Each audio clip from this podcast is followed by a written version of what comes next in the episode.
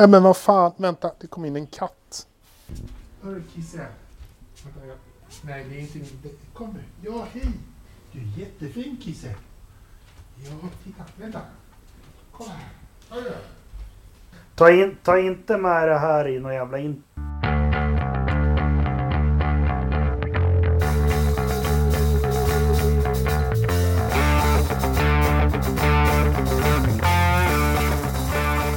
Välkomna till Forza-podden avsnitt 107 Forza Motorsport. Eh, idag tänkte vi prata lite grann om eh, Barcelonas eh, Formel 1 Grand Prix i helgen. Kanske eventuellt lite kval ifrån Indy och nästa söndag är det dags för Indy. Så det tänkte vi också prata, prata om. Så blir det kanske lite förstappar och väder också vad det lider. Eh, och idag så är det från Herrängen utan katt Ridderstolpe. Hur mår du? Jag mår bra, jag mår bra. Nu har jag Ja. också utan katt, precis. Ja, jag äger ju ingen katt. Jag, jag fick en katt till låns här lite, lite kort. Ja, precis. Och, och, och från studion i, i Mälarens Rostock, Jakob, mår du bra? Ja.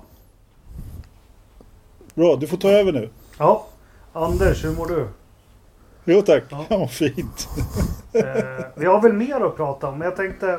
Det slog mig direkt, Anders. Du har ju alltid en dator framför dig. Eh, 107. Lotus 107. Kan det inte varit den Häkkinen gjorde debut i? Det ska du inte fråga mig, för sånt kan inte jag. Det vet du säkert själv. Det är lite jag därför dålig- vi har dig Jakob. Jag vet, men jag är dålig på deras modeller eh, från 90 och framåt. Vi- Vilket år gjorde han debut? 91 i Phoenix. Ja, alltså. Jag kommer ihåg den här gröna va? Ja, vit var den, så var det lite BP-reklam. Uh, den grö- Ja, ja. som var grön va? Jag Ja, ska den se om jag hinner googla fram den. Lotus Ja, var 107. det sen? Okej. Ja. 92 kom den. Aj då. Micke Häkkinen. Vilken hade Mm. de 91 då? Ja du. Nej, jag hade fel hur som helst så vi fördjupar oss inte i det. Eh, till alla Häkkinen-vänner så har jag ju lovat ett specialavsnitt någon gång hur... Eh, det kommer handla om Häkkinen och Bottas, hur man lyckas undvika att vinna ett VM. Eh, trots den bästa bilen. Eh, 102B hette den. hörru. 102B, ja, jag är helt ute och cyklar. Ja. Ja, Mm. Ut och vojar. Ja. Sen körde de hund- 102D innan 107 kom. Ah, ja. Ja. Eh, bra det. Ja, eh, men alla mår bra och vi är laddade och det finns ju säkert en del avstickare att prata om också i, eh, ute i stora vida motorsportvärlden. Men vi, vi kör Det på kan du göra. eh, Vi kör på Barcelonas Grand Prix lite fort och eh, som förväntat, det var ju det var spännande. Ja, väldigt. Det var jätteroligt. Men vad har Formel 1 för problem? Gary Anderson startar en tråd på, om alla vet vem det är, eh, gammal chefdesigner hos Jordan och eh, Stuart Ford och Jaguar ett år. Startar Mm. en tråd på Twitter. Han har ju en jättebra podd ihop med The Race. Men hur ska vi få det att bli mer spännande? Eh, jag börjar titta på det här. Det är ju inga omkörningar att köra på dem. Men alltså det skilde väl från första och sista bil så var det väl inte var det 1,9 sekunder eller vad var det som skilde i kvalet? Ja, alltså, ja, alltså precis. I kvalet så var det ju inte jättestora skillnader eh, i tiderna. Verkligen inte. Och jag vet inte, alltså vad har man förvänt, för förväntningar på Barcelona egentligen? Jag menar, det, det har ju alltid sett ut så här i Barcelona. Här, det här är ju inte ett Formel 1-problem. Det här är ju ett banspecifikt problem skulle jag säga. Vi kommer att få se ett sånt här lopp på Imola också. Det är jag ganska övertygad om. Att det kommer inte bli någon jätterolig tillställning. Eh, det kommer bli följa on där också. Men eh, jag menar, och se, se, sen om man ska utveckla lite grann så det finns säkert saker att göra. Och, och nu har ju Lewis varit ute och klagat på däcken igen också. Men alltså man har ju redan påbörjat allt det här till näst, nästa säsong. Så att ja, det är ju inte så mycket att göra annat än att göra än att titta på Formel 1 fram till dess och se eh, vad man kan utveckla därefter. Jag vet men inte. det, Jag, det, jag- jag, min tanke jag vill utveckla det var att vi som är uppväxta med att ja, nu kommer jag inte på någon rolig förare, kvala 7,6 sekunder efter pole position på Ja, 26 plats och starta. Alltså, nu, alltså det är ojämnare än någonsin men det är ju på tidsmässigt jämnare än någonsin. Och blir det, blir det en sämre dynamik i racen när det skiljer sig lite fart? Ja, nej det gör det inte. Alltså när, när du sa kvarade 7,5 sekund. Han, han körde ju träningen, Nis, vad heter det? Jag kan inte uttala hans namn. Roy Nisani från Israel. Där. ja. Han är Nisani. ju Nisani, ja precis. Han är, ju- är ju eh, testförare i Williams. ja. Apropå 7 sekunder. Hans pappa körde ju faktiskt en eh, testsession också. Och då var det någon som kommenterade som jag inte tänker nämna eftersom han också har en podd.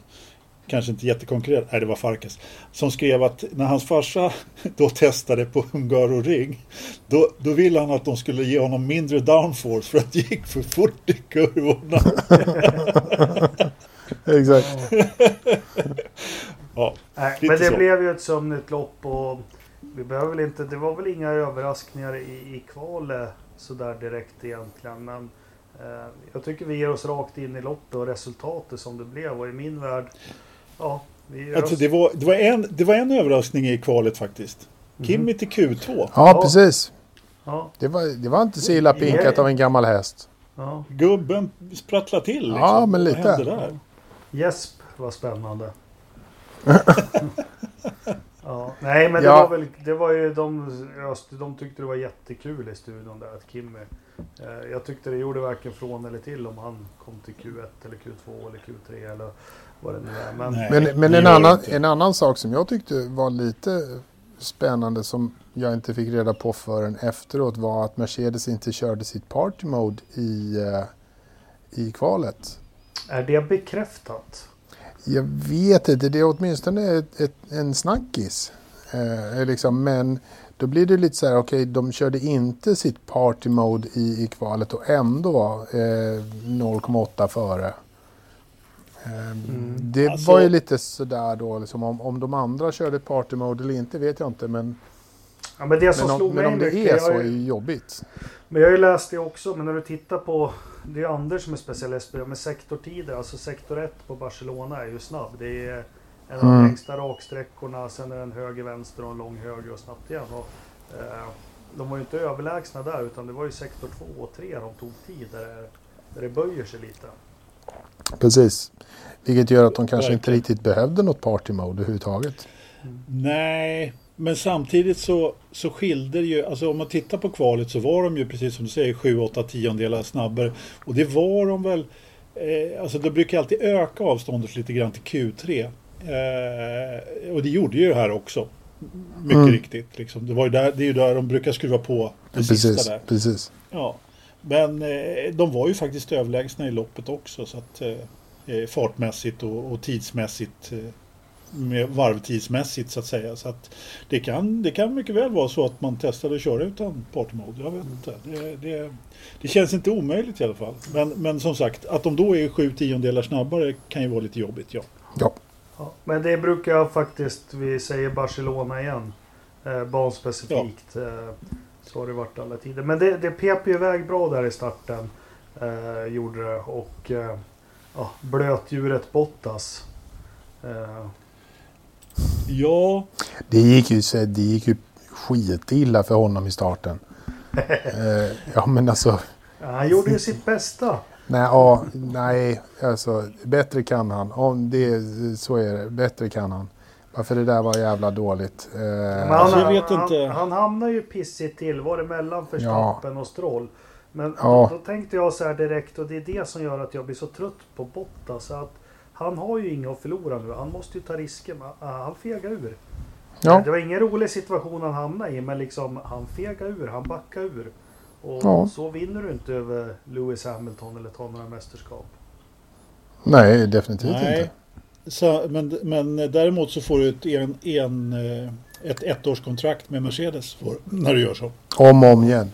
Ja, jo. Ja, eh, men, nej, men det, du har helt rätt eh, Jakob. Jag tycker ju att han, alltså klandra någon för en dålig start, det gör ju alla förr eller senare. Eh, och den var inte jättedålig. Han kom ändå iväg eh, hyfsat jämnt men han hamnade inklämd där och, och som sagt han backade ur den.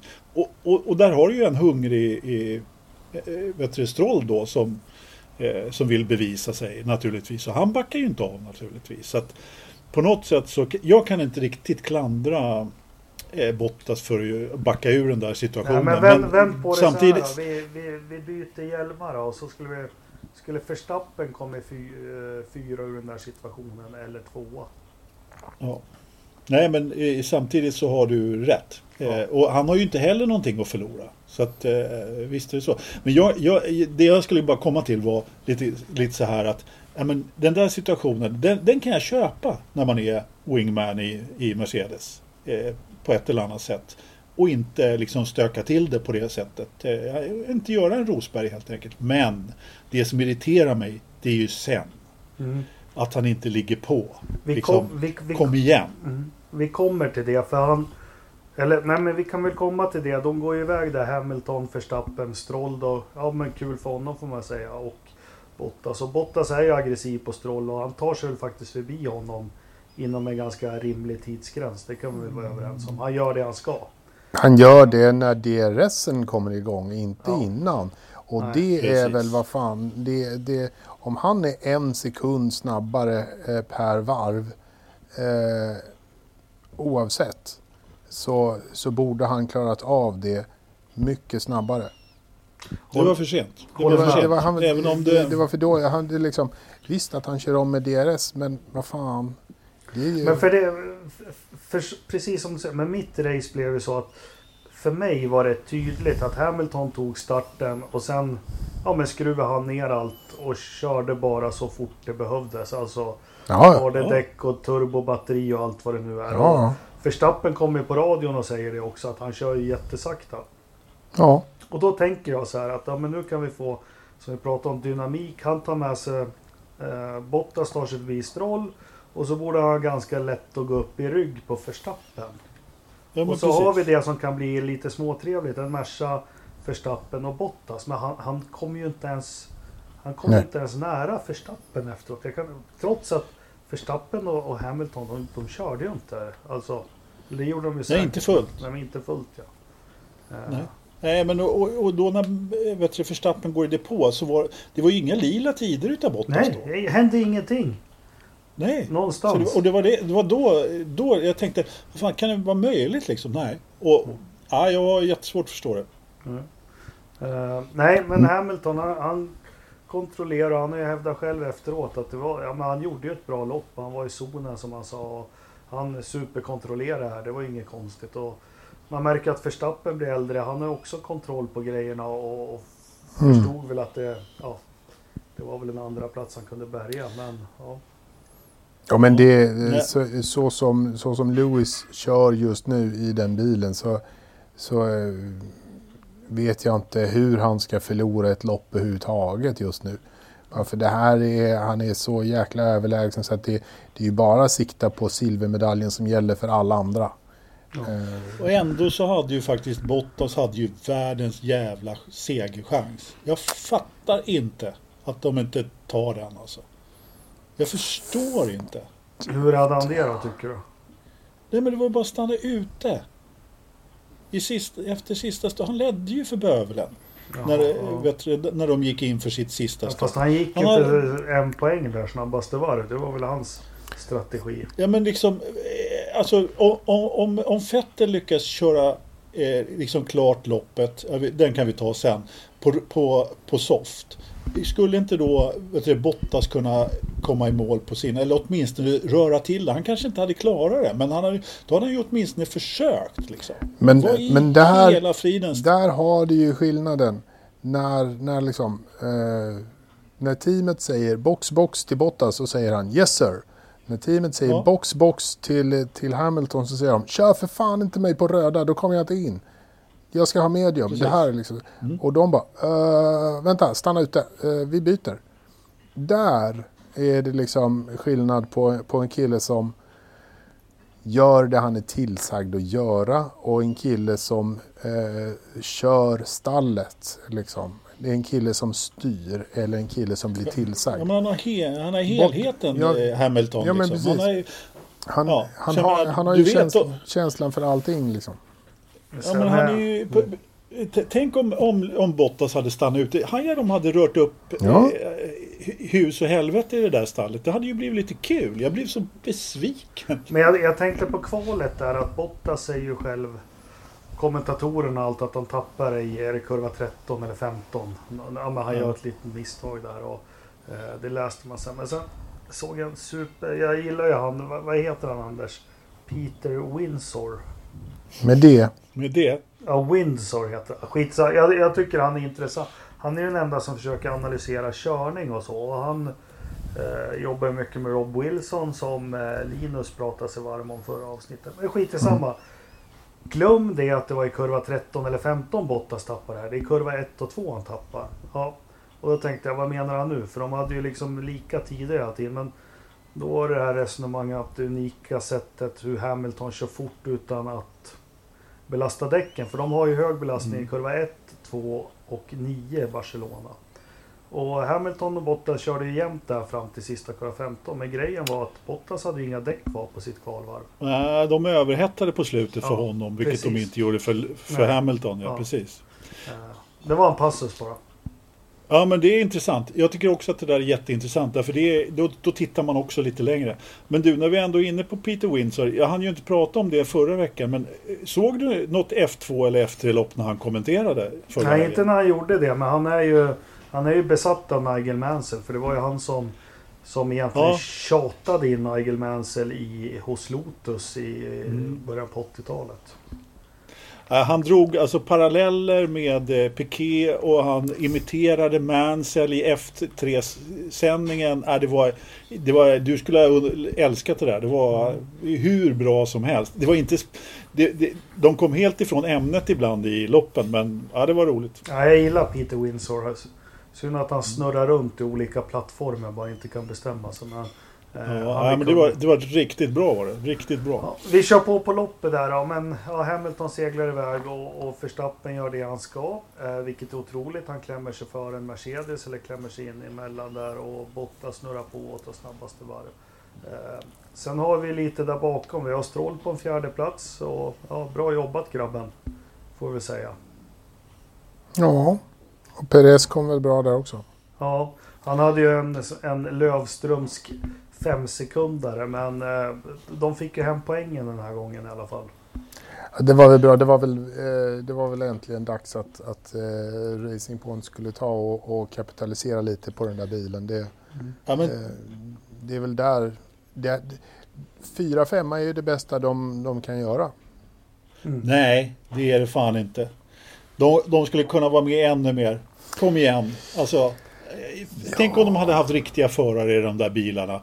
Då hade det ju kunnat gå riktigt fort. Ja. Nu har de ju liksom eh, Perez kan ju inte kvala och Stroll han kvalar ju inte heller. Och eh, som Perez, alltså säger man vad vi vill, han kanske var lite ringrostig nu och sur på sin kock eller vad det var för någonting. Men alltså Nej, kolla. Hade Verstappen kommit fyra i den där bilen? Eller femma? Han skulle vända på det igen. på mitten. Han hade ju för fasken jagat Lewis Hamilton. Ja, På samma sätt som han kanske gör nu med, med... Nej, jag är så besviken på, på att de inte har en riktig förare den där bilen faktiskt. För då hade vi kunnat se lite skojsaker. Ja, ja, förlåt. Ja, Perez håller jag lite högre än vad du gör. Och varit borta två lopp han ställer väl ut ett ganska präktigt skåp mot Stroll. Han hamnar ju bakom i kön. Eh, nyttjar strategin, sätter snabba varv. Sen är han framför och så kommer den här fem sekunder. Så. Men, men hur Ja, som helst. alltså, men du, eh, vänta, får jag bara... eh, Du, du har rätt. Alltså Perez har ju racecraft. Han är ju duktig i loppen. Han gör rätt saker. eh, Men han, är, han, han, eh, han, han hamnar lite snett här. Så att, eh, absolut, jag, jag, jag håller med dig om det. Sen var det väl lite munhuggning mellan Zac Brown och vad heter han? Ottomar... Ottomar... Ja. Ottmar Saffenauer. Just det, Ottmar. Så det, han var, han var arg på Zac och tyckte att du ska ju ägna dig åt historisk racing för du vet Ja. ingenting. Eller hur? Zac Brown äger ju någon gammal Lotus och sånt och kör men Tyckte Ja. att Zac Brown kontra in rätt bra. Att du får jättegärna vara med med din ett år gamla Mercedes. Exakt. Det tyckte jag var skitroligt. Eh, Ja, det, ja, men det var rätt roligt och underhållande faktiskt. Vi har ju faktiskt inte berört det där riktigt. Vi kanske kan prata om det också. Jag vet inte nu, jag hade ju tänkt, jag hade läst på ganska mycket om det men jag tror de flesta har snappat upp vad det är som, vad, det är liksom fighten Men, handlar men om. ta det när vi har kört klart loppet. Det tycker jag definitivt. Äh, sen har vi eh, Force India, sen är det väl Carlos Sainz sen som landar in på eh, en eh, sjätte plats. Mm. Och Ja, Jag tyckte de förstörde hans lopp i hans depåstopp. För de, de, det här var ju jättemycket som du Anders ofta tjatar om banplacering. Och efterhand, ja, jag tyckte de försökte, men han kämpade på bra där. ja men det var, det, det var många konstiga depåstopp. Eh, och det blev ju ett eh, strömhopp in i depån. Eh, vem var det som började? Mm. Och då, då var det må- väldigt många som försökte spegla det just för att eh, de eh, skulle liksom få eh, åka sig till fri bana och hela det kittet. Men det gick ju inte den här gången heller därför att det är så väldigt många som, eh, som försöker spegla varandra och de, de tar ut varandra lite grann i mittfältet nu när de, när de försöker göra den där såg typen väl av knappt grejer. Någon så kallad under eller overcut heller. Nej, Ja, väldigt få i alla fall. Och det är väldigt konstiga depåbeslut också. Så att, eh, men det var nog svårt att göra så mycket mer egentligen. Men jag håller med, det var lite... Det var inte den bästa strategin för Carlos Sainz. För han hade ju faktiskt rätt bra fart. Jag vet inte vad det är. Får han liksom 50 häst- hästar extra i Spanien eller? Är det... Han har fått nytt chassi ens- nu. Han har ju, eller, det är någonting, man identifierar, han har haft problem med kylningen på sin bil och så. Men det är som du säger, jo, Ja, han, får, han får 50 hästar till i Spanien. Så klart Ja, han får. Det är klart han får. Carlos fixar det där. Det, Ja, ja, visst. det, Ja, ja. nej men... eh, Och sen Nor- Norris då liksom... Han var ju inte dålig. Han körde inte dåligt. Och han klarade till och med av lite defensivt arbete där i mitten på Ja. loppet. Som du var Fast inte i början. Han tappade Nej, nej, fyra, verk- fyra, fyra bilar direkt i starten. Ja, pang sa det bara. Jätte... Ja, Ja, men han hamnade, han hamnade jättesnätt där. Ja, verkligen. men fan. Nej, men det var, det var kul för Sainz att få ett resultat också. På något, han har ju inte på något vis kört dåligt i år, men det är ju Norris som har stått i, Ja. i strålkastarna. Eh, Vettel brottas in med en ja, alternativ strategi då. Alternativ strategi. Han hade ju för fan ingen strategi. Nej, eh, du är riktigt surt där alltså. Alltså det... Alltså det var det värsta jag hört. Det var det värsta. Jag Ja. trodde inte mina öron liksom. Fan sitter de och tjafsar som ett gammalt gift par liksom. Ja. På, på, eller, eller rättare sagt inte ens liksom, sådär, liksom som de bittra som har slutat prata med varandra. Fast vet ni vad? Vettel har alltid varit på Red Bull-dagarna ganska lättstressad och känslosam i radion. Eh, Mm. Fast det har gått bra för honom. Eh, men han har aldrig gnällt på teamet. Eh, Likaså i Ferrari. Han har ju också varit lite stressad och lite så här blue flag och allting. Men jag tycker det här säger väldigt mycket. Vi ska ändå respektera honom. Han är fyrfaldig världsmästare. Han har kört bra. Han har utmanat Lewis några år här om VM. Han är ju inte totalt, men nu är det ju slut med Ferrari. Så nu liksom... Nu kommer all frustration. Jag tycker det, det måste säga mycket hur det är och hur, vad han upplever i att jobba i det där teamet senaste fyra, fem åren. Ja, och vi har nog inte hört allt än. Jag vet inte om det kommer. Han är inte den typen som sjunger ut sen heller riktigt. Men det här säger ju väldigt, väldigt mycket. Och vilken press han har varit och, under. Och, och ja, alla de här misstagen som han har gjort som vi har pratat om så många gånger. Alltså hur mycket har varit eh, idiotgrejer från Ferrari börjar man ju fundera på nu.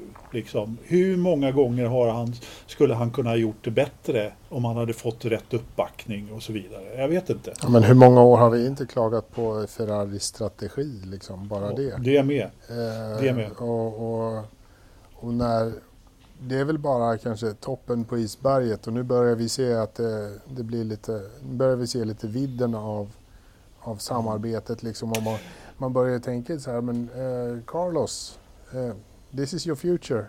Eh, Ja. välkommen in i, i familjen. Det, eh, det kommer, kommer att märkas att, att du är no, i en annan värld när du väl flyttar till Italien. Liksom. Och, stack, Ja, och- och stackars Leclerc, han försöker ju vara den här som är, ja men han är ju, han är ju företagets man liksom. Han är, försöker ju vara jättepositiv. Ja, Men grejen är att han är här- inkörd i ett hörn. Han kommer ju aldrig kunna lämna Ferrari oavsett om han ens Nej. skulle vilja. Bara för att han, han är ju köpt liksom. Mm. Men han får ju ändå resurserna och de, står ju ändå bakom honom på ett sätt som de inte gör med Vettel. Och det är det som jag tycker är så väldigt märkligt. Alltså de har ju verkligen satsat på sitt guldägg Leclerc lite grann. Och, och, och jag menar, okej nu går det skit för Ferrari i övrigt men de backar ju honom till 100% medan de helst inte skulle vilja att Vettel körde överhuvudtaget. Och det förvånar mig så väldigt mycket att man inte liksom försöker få ut det bästa. Jag menar, de tappar ju poäng. Jag menar, hallå? Det, är Ja, inget stall, det, det brukar man ju säga så här, men det är inget stall som gör något medvetet för att försvåra. Jag menar, om inte det här var någonting, kanske inte direkt sabotage, men jag menar att man inte har en strategi för sin förare. Det är, det är som när de skulle köra formationsvarv och, och de hade glömt att sätta på däck på Baricellos bil. Jag menar, bilarna drar iväg på, på, på formationsvarvet och, och en bil står kvar på upplyft liksom utan däck. Vems bil är det? Jo. 2008 glömde de att lägga i, lägga i bensin i Felipe Massas bil. Ja, men så, precis. Ja men sådana där grejer liksom. Hur, hur kan det ens vara möjligt att man gör det på, i ett sånt här läge? Men jag tyckte det här som hände med Leclerc, hans bil stannade. Sen så hackade han sig runt i depån när de filmade mycket när han var där. Då tyckte jag man såg stallets kärlek till honom. Jävlar vad de var nere i grenen och grävde på honom. Ja, men, Vet- du Men varför jo, de var jag, det? jag fattar sen, men det... Åkte han in och fick det som det så fint heter en happy ending där eller vad? ja han hade ju... han tagit av sig bältet men det Ja, såg lite dråpligt ut. Ja. Ja, Eh, nej, men kul för Vettel att, ja men besvärlig bil, han vart ju... Han har ju fans, han blev ju driver of the day. Eh, Ja, men han, han, gjorde, han gjorde väl det bästa. Problemet var ju liksom att han, han var ju helt ensam. Det var ju ingen som hjälpte honom. Stallet hjälpte honom noll. Han frågade liksom Eh, fem, åtta, tio varv innan så här. Okej, men vilken fart ska jag hålla? Och det var ju liksom helt enkelt för att veta. Ska jag ha de här däcken hela, var, hela vägen in i mål eller ska vi byta? Liksom, kan jag köra på lite snabbare? Inget svar, inget svar och sen liksom efter en stund. Jo men du förresten, vad tror du? Kan vi köra de här däcken? Ja men det kanske ni hade kunnat ta och det hade vi ju faktiskt pratat om, om tio varv, för tio varv sen. Om ni bara hade fått fattat att det var det jag menade. Liksom ja, men hade de packat ihop liksom? Ja, jag vet inte. de, hade, de hade de gått hem? Det var helt sjukt verkligen. De är apatiska där. Tror jag. Det- är så konstigt att man inte, just sådär, att man inte utnyttjar. Det är en fyrfaldig världsmästare, han, han kan ju köra bil. Bevisa Sen att liksom, komma, och komma sjua och visa storhet. Men jag tycker faktiskt... Jag trodde han eh, sista tre fyra varven skulle vara ett jättelätt eh, byte. Men han tog hand om det Nej. bra. Ha- Hans, eh, hans, eh, hans smala lycka var ju att han hade en, en, en Wingman 2 bakom sig och som, som höll upp dem där. Men han, han höll ändå bra fart Vettel. Han hade kanske klarat det ändå. Men jag menar Alexander Albon. Eh, alltså, vi har ju pratat om det här hur många gånger som helst. Men han Men är också... återigen- Han, är ingen, han kör ju helt själv känns som. Ja, ja, men han är ja precis. Och han är också, men han har ju inte heller någon fart. Eh, och sen så hamnar han på en helt galen jävla strategi han också. Och får köpa hårda liksom. Ja, det var ju jävligt dumt bara. Ja, så får han, han går ju in före de som har eh, liksom bytt till, till medium. En, en riktig idiotstrategi. Ja, och så kommer han ut åt, åt skogen fel. Han kommer ju ut med liksom helt jävla getingbo runt omkring sig när han kommer ut på hårda också. Så att han, Ja. han kom ju ingenstans. Så det fanns ju ingen Nej, nytta men- med någonting där. Har de aldrig varit i Barcelona och kört förut? Eller börjar man ju fundera på liksom. Det var, det var, de hade ju inte liksom huvudet, huvudet med sig överhuvudtaget. Och vad hade vi Sen- sen, då? sen- Sen hade vi lite Lando Norris och vem var det mer som tog poäng? Var det Gasly? Han borde väl tagit poäng för han hade en ganska bra helg. Ja, han var väl hög Eh, efter Albon där och Norris kom Ja, alltså tia. Gasly var före Norris. Ja, ja, ja precis. Eh. Gasly var ju nia. Ja, han, ja. var, han var ju faktiskt, Gasly han har ju gjort, han har ju som vi brukar säga gått från klarhet till klarhet faktiskt, måste jag Mm. säga. Och eh, det är ju på vippen att han, han kloddade han inte till och med Albon förra veckan. Eh, eh, och liksom i före i kval och sådana där grejer. Mm. Liksom. Han är ju riktigt, riktigt bra. Det börjar ju det. brännas lite där runt Albon. Ja. Ja, men vi har ju varit inne på, jag tror Corona är hans räddning. Det är, Ja, möjligt. eh, jag tror det är mer problematiskt att byta förare nu än i icke-virustider på något vis. Ja, det är Kanske. mycket möjligt. Ja, det är mycket kanske. möjligt. Ja, kanske. Ja, sen hade vi en eh, Renault efter det. Ja, tänkte, ja, men jag tänkte ta Renault som veckans Verstappen men jag, jag kom på en, en annan jag är ursinnig på så vi tar bort ja, Renault. Va? Ja. Jag har ju Ja. som en dåres ja, ja, som en dåre har jag liksom, jag tror på dem, har trott på dem men nej, jag gör inte det längre. Nej, men de har ju, hade ju bra, bra fart på Silverstone faktiskt, eh, lite grann. Men här var de ju ingenstans. Eh, Ricardo försökte väl ändå, men eh, nej, eh, jag vet inte. Eh, jag Nej, Det menar, var, det var ingenting. Det var ju... Alltså hade de haft Stroll i den där bilen så hade, han ju, hade de ju varit på, nere och harvat med Haas och Och Kimi. Williams och ja precis. Eh, Men slutsatsen allt- man kan dra i alla fall, eh, som jag har sagt flera gånger. Alltså, eh, jag vet inte, men Ocon är ju i alla fall skattad i, i, i Formel 1-världen som en duktig förare och körde. Men alltså Ricciardo, han, vi måste ta upp honom som en av, inte Hamilton då, men han är där med Verstappen och Vettel och Leclerc Ja. och, och de här. Han, eh, Ja, han har ju tyvärr inte fått visa det i, i en eh, riktig toppbil. Men eh, jag hoppas verkligen att han kommer att få göra det. Jag skattar också honom väldigt högt. Men det är svårt att skatta honom som tillsammans med världsmästarna när han inte har eh, blivit världsmästare och inte fått visa det Mm. i en hel säsong. Men, men, men alltså Jag ty- Ocon, Ocon som värdemätare så är ju Ricardo en, en eh, riktig toppförare. Så är det. Ja, men Ricciardo är en, en, en riktig toppförare och jag hoppas verkligen att det kommer bli att han får visa det nästa år eh, när han hoppar in i McLaren som är en, verkar vara väldigt mycket bättre bil än Renault och som dessutom får en Merca-motor nästa år. Då kommer det ju verkligen bli någonting av McLaren tror jag. Så att det, det är ju min förhoppning att han verkligen kan upp på pallen eh, igen nästa år. och dricka Chewie. Ja, en precis. det var alldeles för länge sedan. Vi såg någon dricka fotsvett. Ja, det var väldigt... Ja, men de är, de är en gåta Renault. De är inte bara ojämna från bana till bana. De kan vara väldigt ojämna från... Det kan se jättebra ut på FP3 och, och ja, men nu tror man att de kan vara med och hugga på något och så totalt sank i botten liksom. Så det. Ja, ja, skit i Ja, dem. Vi hade lite annat tjafs som rullar in på de andra platserna. Finns väl inte mer att säga. Men vi har ju lite snackisar. Jag tycker en vi ska ta upp det är Toto Wolf. Det har ju spekulerats jättemycket om honom och han börjar väl verkligen gå ut med att nej men nu är det nog nog för mig. Ja, det är, lite, det är lite intressant tycker jag. I och med att varken han eller eh, Lewis har inte heller skrivit på. Så att, Nej. Ja, men Lewis kommer ju skriva på men Wolf öppnar ju för att han lägger av och det är inget dramatiskt. Det är bara förhandling, Jakob. Ja det är bara förhandling. Men vem tar Mercedes in i så fall? Gör de en Ferrari och tar en teknisk direktör, James Allison blir stallchef? Nja, Kanske inte, Ja. men jag tror att de har någon annan på, på lut där, där bakom. Men jag vet inte vem. Ja men den här Freddy Vassör skulle ju vara så jävla bra. Kan inte han? Nej, han har gjort, han, han gör sitt där nere i, i, i Switzerland. De kanske ringer till Cyril Abiteboul.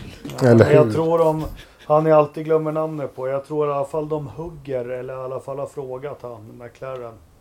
Zac Brown. Zack. Nej, Sidel. Andreas. Siebel, ja. ja. Ja, men det är inget dåligt namn nu. Faktiskt. Nej. Eh, Sen tror inte jag att han, sen tror inte jag på att han kommer gå till Mercedes, men eh, har Eh, om jag skulle anställa någon-. Va? De har nog frågat han stillsamt. ja kanske, Ja. kanske. Men eh, du vet, jag tror att Zack är en sån här typisk person som eh, håller i sina anställda rätt bra. Mm. Eh, alltså sådär. Ja, men jag tror inte han smiter därifrån. Kommer du ihåg när Adrian Newey hade skrivit kontrakt med Jaguar var det va? Ja. Ja. Ron Dennis. ja. Nej men han fick ju tillbaka honom. Mm. Det var ett Ron, Ron Talk. Som det Ja heter. men precis. Jag tror att han var, jag tror att han är lite så. Mm. Och det ska du veta att så här på senare tid så, så är ju Christian Horner precis likadan när det gäller Adrian Newey. Mm. Jag tror att han eh, på något sätt har sagt åt, eller de har någon överenskommelse där liksom att jag menar, han var ju ute och designade segelbåtar och vad fan det var här för några år sedan. Jo, men han liksom. var ju trött Han fick- på det. Han fick ju göra vad han ville i stort sett. Mm. Det, det, det är liksom inget eh, alternativ. Det är, liksom- det är som att sluta i maffian liksom och, och sluta hos... Eh, Nej, men när det gäller Adrian Newey, jag tror de är glada. Men snälla, kom in en dag i veckan och dra några streck med din passare. Det är liksom... Ja, ja. Ja. han, får göra, han, får, han får göra precis som han vill. Liksom. Fast läser man Adrian. Neweys bok också så förstår man lite, ja men dels varför han tröttnar på Williams. Eh, där var Ja, ju ja. mer, eh, ja vi behöver inte gå in på alla det och vad som hände med McLaren också men eh, eh, jag tror att han, han trivdes ju väldigt bra hos Leighton March, Leighton House March där han slog igenom. Jag tror att han kände lite att gå till Red Bull var lite samma sak. Vadå att Ja, komma hem? Nej, men det var ju ett Leighton House, eller March hette de ju. Mm. Jag vet inte vad de hette, men eh, det var ju där han fick börja, han kom från in, Indycar. Det är därför han var så bra kompis med Bobby Rahal och Bobby Rahal var ju stallchef för Jaguar ett tag. Just Det det. var Det var, ju han kom- som, det var ju han som lockade över honom. Ja, eller precis. försökte locka över honom. Då. Men strunt i, eh, Han designade en bil 88 för March. Och, och, och det var ju en helt vidunderlig bil. Såg inte alls ut som allt annat. Och, och hela det designkonceptet följde ju med hela det reglementet ut till 94. Bara det att han gick till Williams och gjorde samma saker. Men March var ju ett litet, litet stall. Eh, lite underhuggare. Vad säger de? Punch above your Wait. Above your Ja, weight. Sandbagging weight. Eh, gjorde de. Men jag tror han eh, känner lite samma. För han återknyter. Skulle vi bara haft mer finansiärer i March Layton House så skulle vi kunna bli det som Red Bull är idag. Ja. Eh, nu Och- kommer vi bort från spåret. Men eh, Ja. Toto i alla fall. Men eh, den röda Mercedesen, Force India, protester från alla möjliga stall. En del drar sig ur. Nu har jag glömt allt jag läste på, men det här handlar ju om... Dels så handlar det om ett jäkligt klantigt reglemente faktiskt. Ja, nej men det, det spelar ju ingen roll hur tjock den där boken med reglementet blir egentligen. Någonstans så hittar de ju ändå kryphål. Och det säger ju lite grann också om, om reglementet i sig. Eh, men så att säga. men Och i, i det här jag- fallet så faller det på att du har ju två listor. En listed och en unlisted. Och det är Mm. olika prylar. Vilka du kan köpa in och vilka du måste göra själv. Det är liksom reglementet i Formel 1. Ja. Eh, eh, och, och här så har de ju tydligen på något vis strulat till det att främre breakdust står på en lista och bakre står på en lista. Eh, och 2019, nu ska vi se om det var rätt, då fick du köpa in båda, både fram och bak. Vad fick du göra. Eh, Men Mm. du fick inte göra det 2020, då separerar de fram och bak. 2019 så köpte Force India in breakducts fram och bak från Mercedes men valde att använda en egen variant ändå.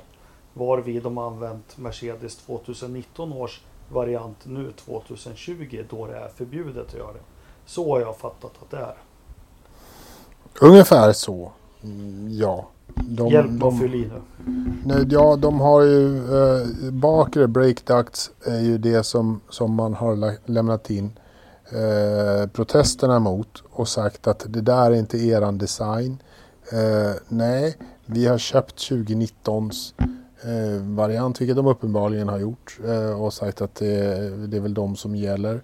Men som du sa så har ju reglerna förändrats att 2020 så måste du göra egna eh, breakducts. Och då hävdar ju Force Och- India att att- det spelar ju egentligen ingen roll för vi, vi har ju haft de här 2019 års i vår ägo. Vi kan ju inte glömma bort hur de ser ut eller vad vi har lärt oss av dem. Det är väl det Det är de det som är själva nyckeln liksom att eh, vi kan ju liksom inte helt plötsligt precis. så bara är de borta eh, Vi- från vårt medvetande. Liksom. Precis, att, och det kan man väl också, det kan man ju också lite grann förstå och, och, och acceptera som någon form av resonemang att nej okej, det är ganska meningslöst att säga använd inte den där, rita en ny från början. För skulle de rita en ny från början så skulle de rita en likadan igen. Mm, det är så, så här, rita inte en rund cirkel, nej du ritar en rund cirkel. Eh, Så att de skulle ju göra en precis likadan, för det är ju den som funkar bäst med den bilen och allting sånt. Ja, Så är det. Och det är väl därför de får fortsätta köra med den också. Och det är väl därför det är lite... Det kommer ju inte några nya protester tror jag. Det kommer överklaganden på eh, domen. Det är det som det handlar om just nu. Att domen var lite fel. Men jag vet inte om det kommer några nya Alltså- protester mot... Då får de ju hitta någonting annat. Som de Ja, får ja, protestera ja, mot. precis. Ja, men de har ju protesterat mot dem eh, efter varje lopp i stort sett och, och hävdar sin rätt. Men jag vet inte om vi kommer så mycket längre. Men det, det, det enda som jag tyckte i, allt, i den här soppan. Det var att bo, både Force India och eh, motparterna då, Renault och så vidare, är, vill överklaga därför att de tycker att den här eh, utslaget är fel. Ja. Och då känner jag att om båda, om båda är missnöjda, då är det på något sätt, då har de nog kommit till en rätt rimlig slutsats och ett rimligt straff i alla fall ändå. På något sätt. Så att, men vi har nog inte sett slutet på det där än. Men, Men det är ju, sen, ni som kan eran motorsporthistoria, det här med hur du... Du har ju en regelbok och det är allt med double diffuser och allting som har varit. Det är hur du tolkar den. Och jag vet eh, 94, första loppet i Brasilien när man trodde Senna skulle köra överallt. Men Schumacher var jättesnabb. Men det lämnades in protester eh, mot... Det var precis då när det här Bard Sports hade börjat komma ganska mycket. Mm, Och det fanns regler för det. Jag kommer exakt inte ihåg hur det var men de fick inte sitta själv och det var något med golvet. Men då hade väl Benetton gjort hål i sitt golv där eh, på något vis. Eh, och du fick inte ha hål står det i regelboken i golvet Mm. liksom utanför. Ja, skitsamma. Men då var ju Ross Braun, han var jättesmart. Men det där är inte ett hål. Det är bara, det är bara ett utrymme där det inte finns golv. Aha, eller hur? Ja. Jo men Ja. De, Jo. de klarar sig. För då, Jo, men då, det då blir jag det larvigt att definiera vad ett hål är. Det är rymden eller är det... Ja, men eller hur? Ja, men det är det jag menar. Att jag menar, de här vet ju hur man, eh, hur man eh, klarar sig från den här typen av grejer. Jag menar, de har varit, det är ju därför Ross Braun är det. eh, Han säger ju själv att han är den bästa eh, personen att fuska den, ja precis eftersom han har gjort det själv. Mm. Och han säger själv att han har gjort det. Han säger inte att han har fuskat men han har ju liksom gått runt reglerna. Så att, och jag håller med honom. Liksom, därför att för att hitta en sån så behövdes, behövs det en likadan. Grann. Och, men det här är ju, det, det, det, gynnar ju inte sporten direkt när det är den här typen av eh, tolkningar som ska göras hela tiden. Det, det, jag, är lite, jag är fan lite trött på att Men jag, jag tror väl protesterna, för nu är det ju, nu, nu har ju många stall backat ur det här. Men de vill ju att Renault ska driva protesterna. Jag tror det handlar inte om att straffa så mycket utan man vill få klarhet. Uh, ja, det var... Nej, jag, jag tror så här, jag, jag hejar ju på eh, Zac Brown och eh, tycker att eh, Force India har tagit ett steg för långt. Eh, de har köpt, de har liksom de, de har utnyttjat reglerna lite för, för långt och eh, så. Så jag tycker, jag hoppas att det kommer bli ett tuffare straff. Pengamässigt skiter jag i det bara för det spelar fan ingen roll. Det är så mycket pengar i den här sporten ändå så att det är inte det. Men poängen liksom tycker jag att de, de ska bli av med mera poäng vilket i och för sig också handlar om pengar men det är en annan, det är en annan markör. Eh, liksom att, att ge ett stall böter, det, det är ingen som egentligen sports, sportsmannamässigt så bryr vi oss inte jättemycket om, om Ferrari får tusen miljarder i böter för det märker vi inte för att det, de kör sina bilar och vinner allting ändå. Eh, om det nu hade gjort så. Men, eh, men sportmannamässigt så är det liksom det är mer att bli av med flera poäng och jag kan tänka mig att det är det som Zac Brown är ute efter också för att det ger att, gör ju att hans bilar kommer upp högre Ja, och absolut. slipper, slipper Racing Point och fightas med dem. Liksom. Så att för honom är det också en ekonomisk fråga men det är mer en sports, eh, sportslig fråga om du tar Mm. poängen än att ge böter. Men man förstår ju otroligt infekterat där när en sån som Lawrence Stroll som aldrig ställer upp på intervjuer eller någonting eh, sätter sig i Sky-studion och ja, Ja. man förstår ju hur han har tjänat sina miljarder för han kan ju ett tala för sig, eh, lägga fram argumenten på ett, ja, som han såg det och sen så det har ju gått så mycket prestige. Han kommer ju kasta varenda jurist och advokat han kan hitta på det här. Ja, för satan. Oh Han, ja, oh ja. han, han har redan ett helt jävla fotbollslag som bara jobbar med det här. Ja, Ja, ja. ja. För att rädda grabbens poäng. Precis, för att rädda, rädda grabbens poäng. Har vi något För annat? hans eget stall. Eh, har vi något annat skvaller? Det är tyst om Vettel och Aston Martin har lugnat ner sig lite. Det ryktas om att ja, Perez det var inne på han var hemma och tiggde pengar. Det var väl därför han fick corona där, för det finns några klausuler. Men eh, det jag Ja, men- tänker på... Ja, Det, ja, men det, snack, det, snackas ju fort, det snackas ju just nu mer, inte så mycket mer om Vettel och Aston Martin, men snackas ju fortfarande, eller mer, mer om, om han kommer att överleva säsongen eller inte. Eh, det, det jag kan inte eh, förstå vem de ska peta in där. Hylkenberg. Ja. Det, Då kanske han kör... Ja, i och för sig. Men, de Ja, men det- det är så- att det är Hylkenberg kör så pass bra så att de ångrar Shines. Nej, det, men det, det tror jag inte. Det, det, är nog ingen bra, det är nog ingen risk för det. Men, men han är ju den, den givna kandidaten för att ta över efter Sebastian Vettel. Och frågan är, och jag var ju, hade ju någon diskussion med någon på, på sidan, på Facebook-sidan om det där. Och då Pedro och jag som pratade lite och, och då, då sa jag det att det finns, alltså jag sa att eh, Vettel är så pass professionell så att han gör ändå sitt bästa oavsett vad. Så att han har ingenting att vinna på att eh, liksom få kicken från, från Ferrari Mm. mitt under säsong. Det, Sebastian Vettel förlorar ju egentligen bara på det. Men det scenariot som spelade ut sig i, i söndags, liksom, jag tror inte han har lusten att fortsätta med de här människorna. Så fort han har ett kontrakt färdigt och känner sig väldigt säker på att köra med Aston Martin 2021 eh, då har han ju ingen, då har han ju ännu mindre eh, liksom, incitament att köra överhuvudtaget för de här italienarna som han är så jävla trött på. Uppenbarligen. Ja. Och då skulle nog både han och stallet skulle nog vinna på att byta ut honom för att få in någon annan för att bryta den här otroligt negativa trenden. Bara för att gå runt i det här, i, den, i det stallet just nu, i den depån, måste ju bara vara så deprimerande. Men grejen är den att jag fattar inte att, att eh, Ferrari låter det här hända. Därför jag, jag är helt övertygad om att, att Vettel gör sitt, är så pass proffsig så han gör sitt absolut bästa. Och det gör, han ju också. Det hördes ju Ja, han gör ju det liksom. Men det är ju Ferrari som inte gör någonting. Det är ju de, det är ju där, alltså nu, nu skyller jag faktiskt på, jag är ingen jätte-Vettel-fan faktiskt. Men jag, bör- jag börjar nästan bli det. Jag börjar bli lite anti-Ferrari när de Men det har väl liksom varit det här. länge. Vi, vi kan väl börja med att dra ett streck över alla de här 20 killarna eh, som sitter där. De sitter där av en anledning. Det är tävlingssnubbar. Nog Mm. bland de Ja. värsta i hela världen. De ger inte Ja. upp någonting. De, Nej. Eh, Nej, så, nej. Så man kan, ja, förutom Kimmer då kanske med motivation. Men det jag tror när Vettel börjar prata ut om sin tid i Ferrari. Då kan vi nog lägga karbonpapper på vad han säger med det Alan Prost sa om Ferrari några år efter han hade fått sparken. Det har gått tillbaka till politik och kaos och allting. Ja.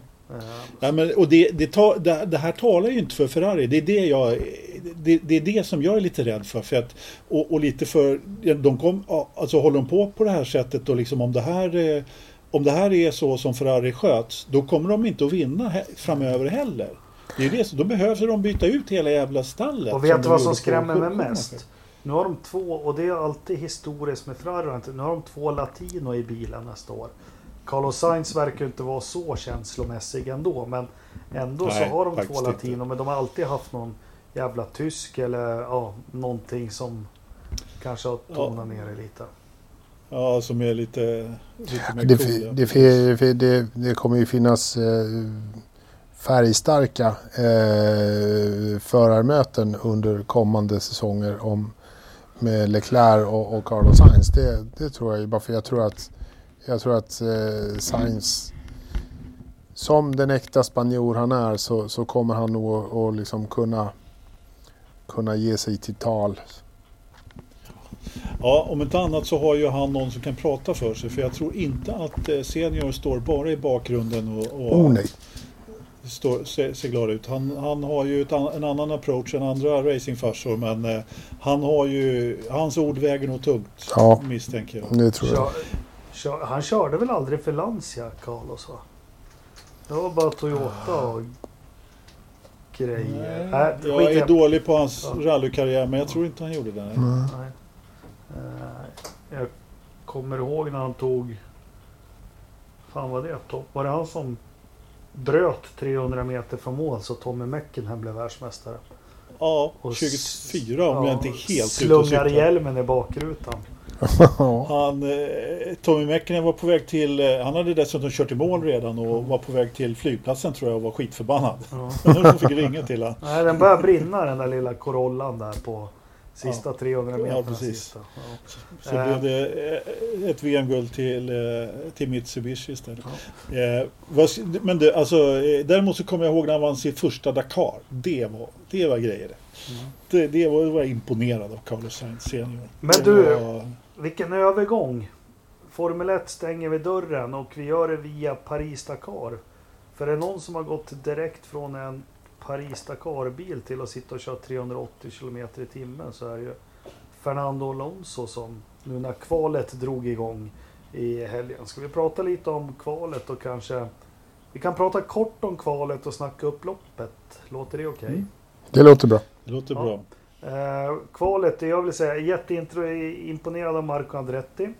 Eh, Andretti-bilarna är ju superbra, det har vi ju sett, men eh, jag kan tänka mig att Marcos självförtroende kanske inte har varit det bästa de två sista åren, så det här är verkligen starkt, starkt av honom.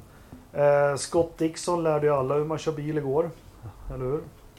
Ja. Jävlar vad karln Står kör. han där helt iskall och, och med krokodilskinn i ansiktet och bara ja, det är skitläskigt första två kurvorna. Det är jämnt när man kommer hit men äh, du ljuger grabben, du tycker inte alls det är läskigt.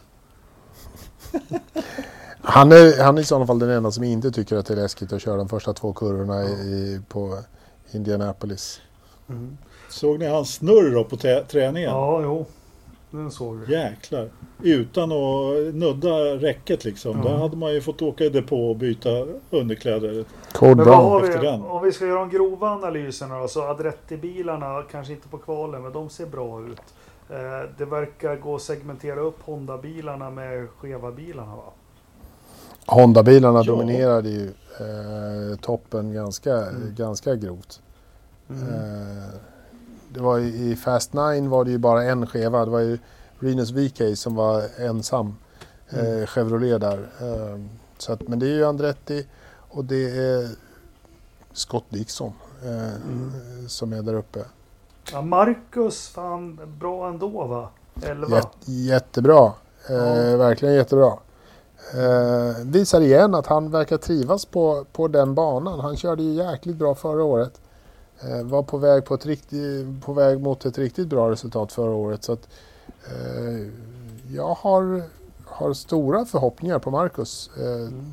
till, till söndagens lopp faktiskt. Det, Och, och, och Felix kanske inte resultatmässigt men han verkar ha varit nöjd med bilen under kvalet. Det har väl varit struligt för honom som jag har förstått det. okay.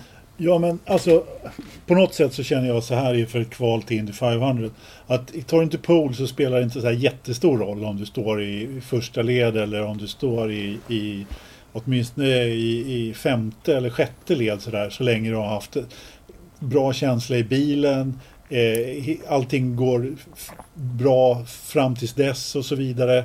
Eh, du har bra fart och du liksom bra balans och bilen funkar i trafik och hela det kittet. Och det, det, det var ju lite det som Felix sa också. Att, ja, men han, han hade ändå en positiv känsla. Och det är ju jävla flosker egentligen och, och att man har en positiv känsla i bilen. Och, men det är i alla fall inte så att de håller på att jobba med setupen utan det är små saker som, som man försöker skruva lite på. det är det lite... Det man lärt sig in the 500 det är ju en startsmäll. Det är ju ofta Ja. första varvet, sen händer det något sista tredjedelen. Och, ah, jag står hellre sjätte startruta än sextonde. Ja men så är det ju. Mm. Så är det ju Ja, det är alltid. Du, du har ju alltid större chans att, att råka ut om du står längre ner. Eh, Alltså det, så är det ju definitivt. Men om man, om man tittar rent generellt så, så har det inte jättestor betydelse. Kolla på var Pagino står någonstans. Var står han då? Ja du. Eh, Han gick inte ens, jag kan, jag kan, gick inte, jag kan inte ens räkna så långt. Nybroviken. Han, han står, han står, han står ju liksom på platsen framför Alonso. Liksom. Då kan du ju tänka dig hur långt bak det är. 25. liksom. Ja. Och vad hände där och Alonso? För det, de valde ju till och med inte att köra om. Har de haft något problem med kvalbilen eller? Jag har inte hört någonting om Alonso faktiskt. Jag vet inte. Var, Nej, varför hamnade han där nere? Nej men det, det, jag vet inte, jag drar mig till minnes. Men han sa att de skulle göra under kvällen eller eftermiddagen ett team decision om de skulle köra igen. Uh, han verkar väl vara nöjd med det där. Och, och, men som jag fattar också i Indy 500, det skiljer otroligt mycket mellan kvalbilen och racebilen. Gör det? Ja, Ja, det gör det. Det, det skiljer ganska mycket i fart men... Eh, eller ja, nej fan. Jag ja, men vet inte. inställ, ja men inställningar och grejer alltså. Jo, snabbt för ja, visst 300 gör det. varv eller snabbt för 4 varv. Jo men visst är det så. Visst är det så. Jobba det, det skiljer ganska mycket. Bra Ja, ja, igångsättning. ja. Vet, vet du vad jag laddade upp innan podden här med att göra för någonting? Jo, jag eh, kvalade i iRacing på, eh, på Indianapolis faktiskt. Och, Ja. försökte köra fyra varv. Vad fick du för Eh. snitthastighet då? Eh, 200, jag kom aldrig fy, fyra varv. kurva 2. Var, var snurrar du någonstans? Fyra, fyra. Kurva fyra. Jag snurrar hela tiden. Men jag kom ett par varv. Jag gjorde, och det är så att jag har en eh, god vän som, eh, som har skickat mig en kvalsetup och en race-setup. Mm. Och eh, jag gjorde alltså 39,2 på kvalsetappen.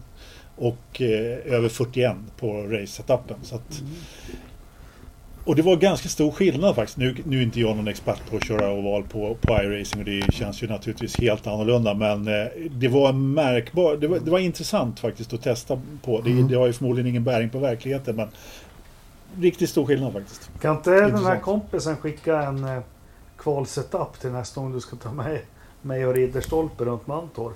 Eller hur? Jag ska be om att göra det.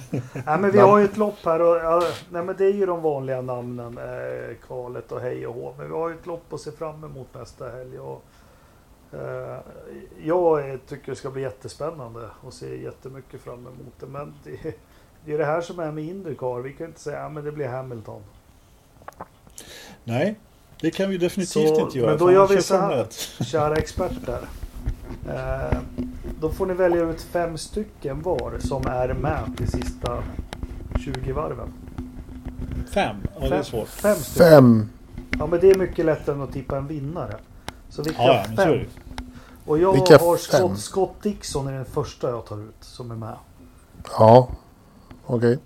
Ska vi göra det, ska, som- vi, ska vi göra det här tillsammans eller ska vi göra det här var och en för sig? Ja, Jag var en.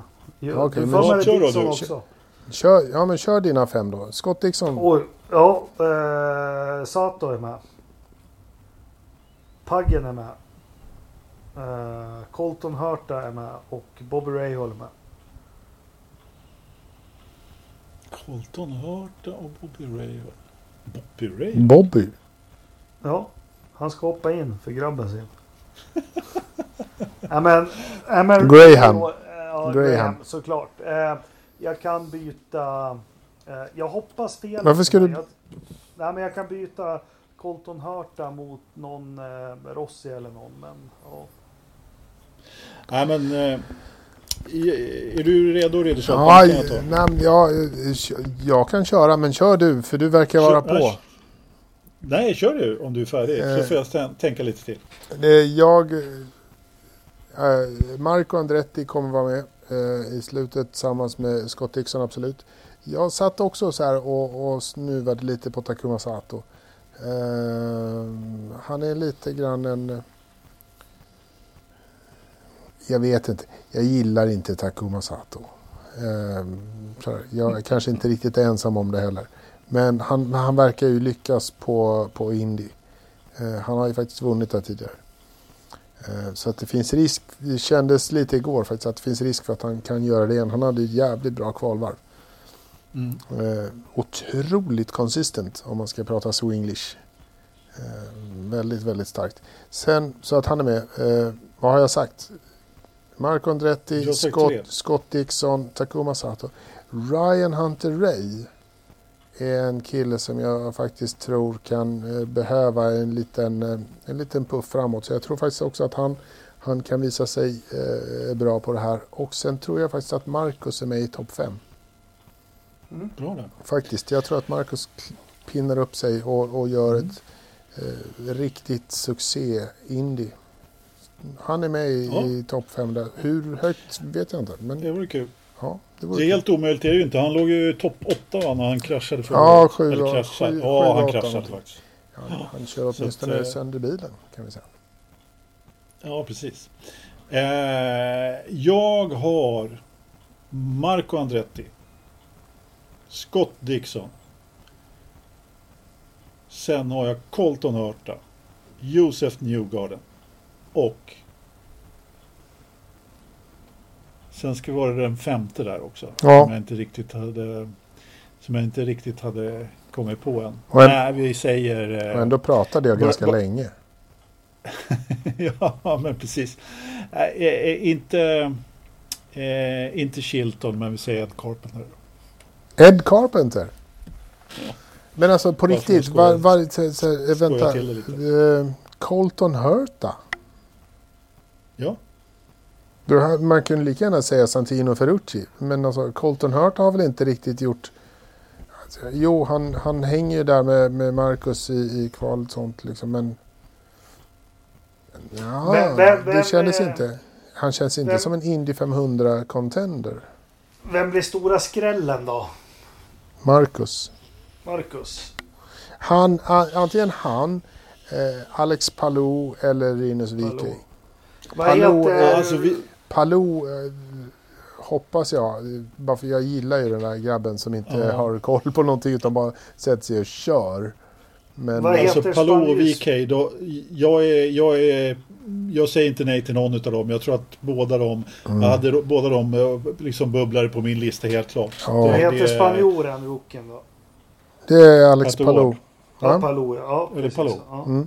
Eller Pat Ward, han är vet du. Mexi, Eller mexikan.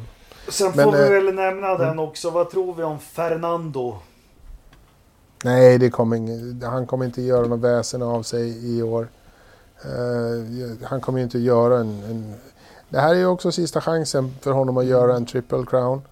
Eh, det kommer inte att bli någon triple crown för honom. Han, han har sprungit förbi det där. Det har inte, han skulle gjort det när han var på, på väg att göra det med Honda-motorn. Där första, var det första året han körde Indy. Som det var, Skulle inte låg- motorn gå skulle han vunnit. Det är Ja, men så här, det, han låg ju bra till och allt sånt. Hade det stått i stjärnorna så hade det redan hänt där. Mm. Nu, nu är det... It's too late. It's done. Ja. Ridderstolpe. Det är jag. Vad dukar man upp för buffé här och nästa helg? Fy fan, man måste ha så jävla mycket mat och, och, Ja. och alkoholfri bärs eh, för att överhuvudtaget överleva 500 miles liksom. Men det är ju en stor jävla bucket wing, eh, bucket med chicken wing, buffalo wings och, och grejer. Det är ju bara friterad mat som gäller och eh, öl och skölja ner det med. Så du kommer ju gå upp, Men- du kommer ju gå upp lika många kilon som de här killarna går ner tillsammans så gör du det själv. Ja, Anders, har du det- något du ställer på Indy 500-bordet? Ja, men det svåraste här det är ju att balansera alkoholintaget så att man orkar hela vägen. Så att man liksom inte går, går ut för hårt. Ja, det var därför jag sa Eh. alkoholfri öl. För att det, du kan, så det kommer ju gå åt så jävla mycket bärs eh, i, under, de här, eh, under den här stunden. Så att, annars blir du ju så jävla packad till de sista tio så du inte fattar någonting. Men du Anders, när du sitter och kommenterar race och kvaltrådar, gör du det på en platta eller på en dator? Telefon. På telefon? Du måste Ja. ha Sveriges vidrigaste telefon. Vidrigaste? Nej, för jag Vidrigt? testade. Jag testade. Du, jag, jag skippar whiskyn, men jag testade en liten skål ostbåt. Ja, och så satt jag åt det och det var ju Ja. jättegott. Sen skulle jag ju... Det var ju någon man- av de här trå, trådarna jag inte var med så mycket i. För, Mm. eh, ja. du är tvungen att torka händerna. Hur löser du det? Det där är, det, det där är, det är träning, lång, lång, eh, lång träning och eh, erfarenhet. Alltså Sen kör, är det faktiskt så här. kör med pinnar Att liksom. Ta Nej, ostbågarna med kinesiska pinnar. Men, men, men vi kan väl säga så att tröjan, och så kan man behöver ju ha liksom något att, så, så kallad ostbågetröja. Men f- sen är det faktiskt så här att jag, jag har gått över till jordnötsbågar nu. Ja, De är för- inte lika kladdiga. Nej, verkligen Inte jordnötsringar. Nej, bågar. Ah, för fan vad gott. Ja, bra Anders. Ja. Det, det är klass och stil på dig. Nej, nej, jag, då kan jag säga så här. Det är, eh, de här nya bacon chipsen som Estrella har kommit med, det är fan, det är, det är motorsportmat det. Ja, de måste upp på. Indy 500-bordet. Ja, det, de är givna kan jag säga. Och riktigt iskall öl. Japp. Japp, bra, då har vi det avklarat. Det har, har pipit iväg med lite, så du inte blir rädd nu Anders, jag försvinner från kameran. För vi har fått in lite frågor till, eh, till eh, våran... Ja, inte så lite frågor eller? Nej, Jaså? ska jag, börja, ja, ska jag börja beta av? Vi har väl våra komiker som vanligt med deras frågor, eller? Mm. Eh, men de skiter i. Eh, Ja. Tänkte du på pa Palmqvist eller? Nej, de bröderna Brothers. Ternström och Lennström. Eh, The Streaming Boys. ja. Eh, ja, men då kör vi då. Ja? Mm, ja. Eh, John I.A. Palmqvist. Hur går det för William Story? ja. Ja, han, han köper ju fotbollslag och grejer. Det Ja. går säkert jättebra för honom. Best brand, I have 900 million cans somewhere. eller hur? Uh, Mikael Georg Nilsson. Senaste podden med Linus får tummen upp. Hoppas på fler bra gäster. Tack. Vi har fått otroligt, eller vi måste ju, Anders du har väl kontakt med Linus, eller var det du Ridderstolpe? Vi måste ju meddela Ja, ja, honom. ja. Vilken feedback. Absolut. Ja. Mm. Ja, Eh, jättebra. Ja. Eh, ja, men som vi sa förut, vi tycker också det är jättekul att ha gäster, men det krävs inte jättemycket jobb. Men du ska bjuda in, du ska förklara, du ska få ihop tider och, och vi, har, vi tre har inte riktigt tiden att göra det här varje månad ens. Tyvärr. Eh, Nej, men när det väl eh, träffar, det är, det är jättekul att ha en gäst lite då och då, men vi pallar inte riktigt det eh, jätteofta. Så är det någon som har kontakt med någon, eh, Sebastian Vettel eller sådär, så säg till bara så. Om ni, om ni bara liksom krattar i manegen så, och bjuder in dem till podden. Ni vet ju när vi spelar in på måndagkvällar. Säg åt dem bara. Liksom. "Ah, De spelar in på måndagar. Dra iväg ett eh, mail bara. Så. Men borde vi, vi, vi, borde ju, vi- borde ju messa Kimmy och säga tjena, ska du inte vara med i en liten podd här? Ja, det kommer en följdfråga om det. Vi har frågat tre stycken och alla tre har ställt upp och alla tre har tyckt det varit kul och fått bra recensioner. Men det kommer dyka upp mer gäster framöver. Ja. Bara så att ni har förståelse för det. Att vi jobbar och jag är lite hockeytränare och Anders ska räkna sina pengar och Ridderstolpe ska... Ja, eh, det är lite Bära ut katter. Ja, precis. Eh, tack Mikael förresten. Hur länge står Fettel ut hos Ferrari? Det har vi ju avhandlat. Ja, det är ju 10 000 kronors frågan. Det, det, Ja. det är förmodligen inte så länge till. Vi har en eh, finsk lyssnare, Jari Ravio. Han skriver Hej! hela tiden inga kommentarer. Hör Nej, ni det? Nej. det gjorde vi Eh. inte. Vi, vi, vi hörde någonting annat därifrån. Ja. Ja, jättemycket han skriver.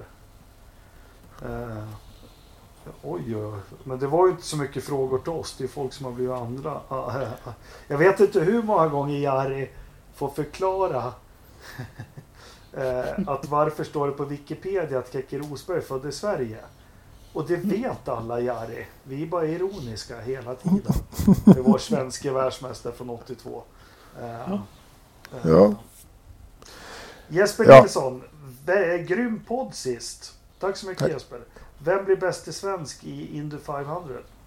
Marcus. Jag säger också Marcus. Då säger jag Felix.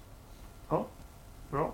Eh, Tror du på det Anders eller sa du bara Felix? Ja, du eh, nej, nej, nej. Nej, jag tror att han blir bäst. Jag tror att han, Felix blir bäst svensk i Indy 500. Ja, cool. Johan Laglöf, blir Perez kvar i Racing Point eller löser pappa Strål ut honom?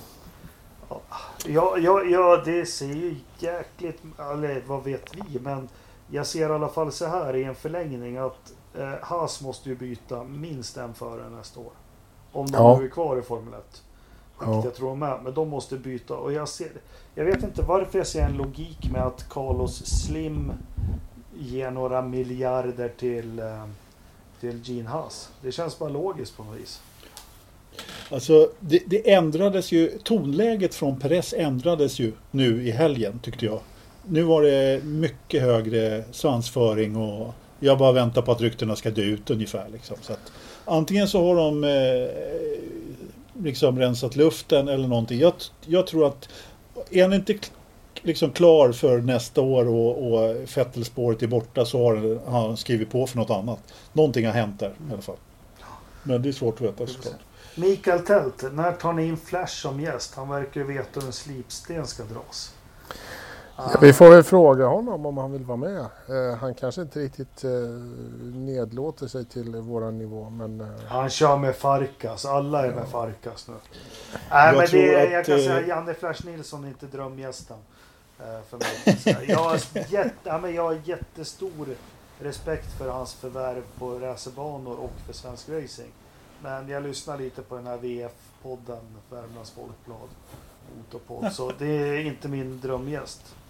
eh, Är det. Men eh, någon annan STCC-räv skulle vara Mm. kul. Då, då, ska, då ska vi ta med Flash. Ja, Ja, nej, men det är väl klart Flash är välkommen. det är klart. han är. Uh, Rickard Rosendahl, kan Vettel vara en kandidat som team manager för Ferrari? nej. Han vill aldrig se en Ferrari igen. nej Jari precis. Maino, är Vettel tidernas mest överskattade fyrfaldiga världsmästare? Ja, han är ju den enda fyrfaldiga världsmästaren. Jag tänkte ju säga hur många Nej, finns det? Prost har vi också. Prost också, ja. Ja, då Precis. håller jag Prost högre än Vettel. Om det bara är de- också göra. Om det bara är de vi ska jämföra så var det inte så svårt.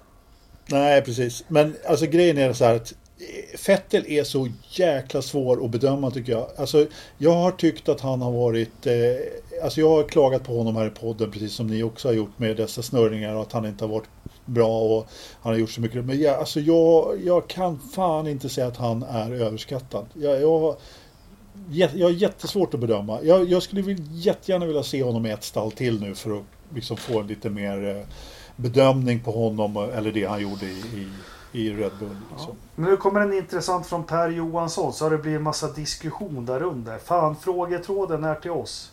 Får diskutera sen. Per Johansson skrev faktiskt så här. Eh, är Bottas världens tamaste förare och världens bästa wingman? Ah, han är tam, det håller jag med om. Eh, wingman? Världens bästa? Nej. Nu är ju Mercedes i ett läge att de vinner ju märkes-VM ändå. Eh, Hamilton klarar sig själv men eh, eh, en wingman ska ju liksom putta Hamilton framför sig eller om man ska säga så. Ja, likt men, eh, likt Ronnie Pettersson 78 sista loppen. Ja, det kanske var den bästa wingman någonsin men, men ändå, alltså Bottan, Bottas måste nog, han är ju bättre än Baricello. Han är ju liksom, han är ändå en väldigt bra wingman men han har också en Max Verstappen att jobba emot och det klarar han inte riktigt. Nej, men en bra man-. Alltså så här är en, den bästa wingman. Om Hamilton skulle fått motorhaveri tre mål från slut. Då skulle Bottas vinna. Då är det Ja. wingman. Och den bästa wingman vi någonsin har haft. Det måste ju ändå varit Sterling Moss till Sean... Eh, till- Fangio. Fangio. Ja. Ja, lite så faktiskt. Ja. Eh, Jag är så dålig på 50-talet där men eh, det, det, han var en riktig wingman. Ja. Alla, helt rätt. Ja. Och så är det en massa diskuter- diskussioner om det. Eh, bla bla bla. Vi får aldrig glömma att Jill Villeneuve som är legendförklarad och statusen. Han var ju en riktig wingman till Judy Scheckter 1979. Mm. Ja. Eh, Ja, det finns några att ta av. Ja, har vi några mer frågor? Nej, vad jäklar vad de har gått på varandra här. Eh, det var inte meningen grabbar med frågetråden. Fan, slåss får ni göra en egen tråd.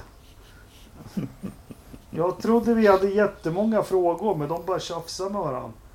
Ja, vi har några frågor till så ta det lugnt. Uh, ja.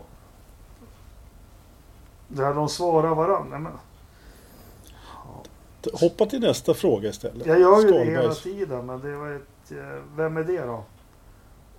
Får vi en repris på säsongen 1988 med tanke på Mercedes dominans? Det kan vi mycket väl få.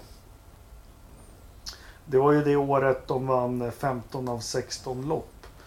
De tappade ett lopp på grund av ett trasigt tändstift för Prost och Senna går ihop med Schlesler Schle Jean-Louis Schlesser. i en varvning på Monza.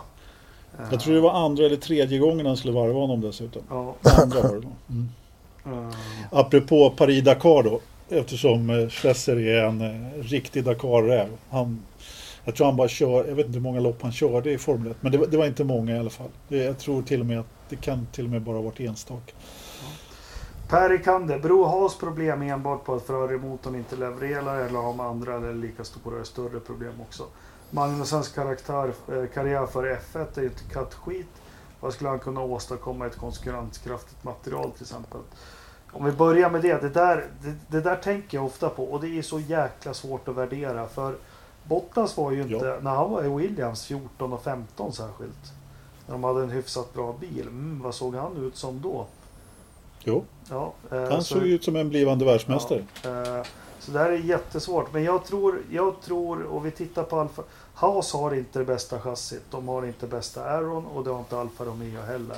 Men självklart är ju de plågade av sin, vad heter det nu för tiden? Inte motor, det heter ju Power, Unit. power, Power, unit. Power Unit. Ja, precis. Nej, men det är lite tragiskt att se faktiskt. Och det, det, är, det är också så här att eh, det är klart att de ser lite extra dåliga ut naturligtvis. Det är ju inte riktigt som Williams som hade bästa motorn och absolut sämsta chassit här eh, Nej. förra året. Och, utan här, här är det ju verkligen så att de, de får ju lida rejält. Menar, när, en, när en Ferrari kvalar eh, liksom inte går till Q3, ja, hur ska då liksom Ferrari 2 och 3 Mm. klara sig då. Det, det, de har ju svårt att haka av Williams även om Kimi nu gjorde sitt bästa här faktiskt i Barcelona. Men nej, det är jättesvårt. Jag, jag tycker dessutom att det är jättesvårt att eh, värdera eh, Magnusen. Jag tycker, ja, alltså, Grosjean är erkänt snabb. Magnusen slår honom en bra dag. Men sen helt plötsligt så är Magnusson efter och så gör han enkla Ja. misstag och sen så... Ja, Jag menar alltså om, om, man, om, om Kevin hade suttit kvar och suttit i en McLaren igen. ehm, Ja. Alltså han, han gjorde ju inte ifrån s- han- så här, Debuterade på tredje plats va? Eller? Jajamän, Melbourne Australien. 14. Ja precis. Det är Mm. succé liksom. Eh, så att... Eh, Och han tog sig igenom, man ska veta också att det var ju han inne på med hans meritlista men eh, Perres satsade ju de hårt på inför 13 och det mm, var ju inte självklart att alltså, men det var, jag tror det var Martin Whitmarsh och några till som tryck otroligt hårt för för Kevin. Eh, ja, för Kevin. Och sen så kommer det här olyckliga 2015 när de tar in Alonso. Mm. Alltså Kevin har inte haft tur på det sättet. Eh, men det var nog på gärdsgården för Button. Eh, det Mm. året. Och han hade, alltså Kevin hade det rätt tufft efter den där pallplatsen också. för Ja, att han hade det han skitjobbigt. trodde han skulle se, i princip segla hem VM. Nej, inte riktigt. Men, men, men det blev jobbigt där ett tag. Alltså. Ja, men Efter- 14 efter hade ju. McLaren en riktig skitbil med den bästa motorn. Sen hade Mm. de ju en riktigt bra bil 2015 men en av de sämsta F1-motorerna Mm. som någonsin har tillverkats. Men, ja, ja. Eh, Anders, Jesper Nilsson undrar Ja. när blir Jari Ravio gäst i podden? Jag skrev ju det där i, på, i, i tråden dessutom. Det är när Bottas vinner VM. Ja, då är Jari jättevälkommen. Det skulle bli Ja. underhållande. Vi ser Men jag fram har en emot det. liten passus. Jari, först och främst, jag har ju sett hur du har kämpat genom åren, men du måste ha internet för att kunna vara med. hur går det där ute på Värmdö eller vad det är?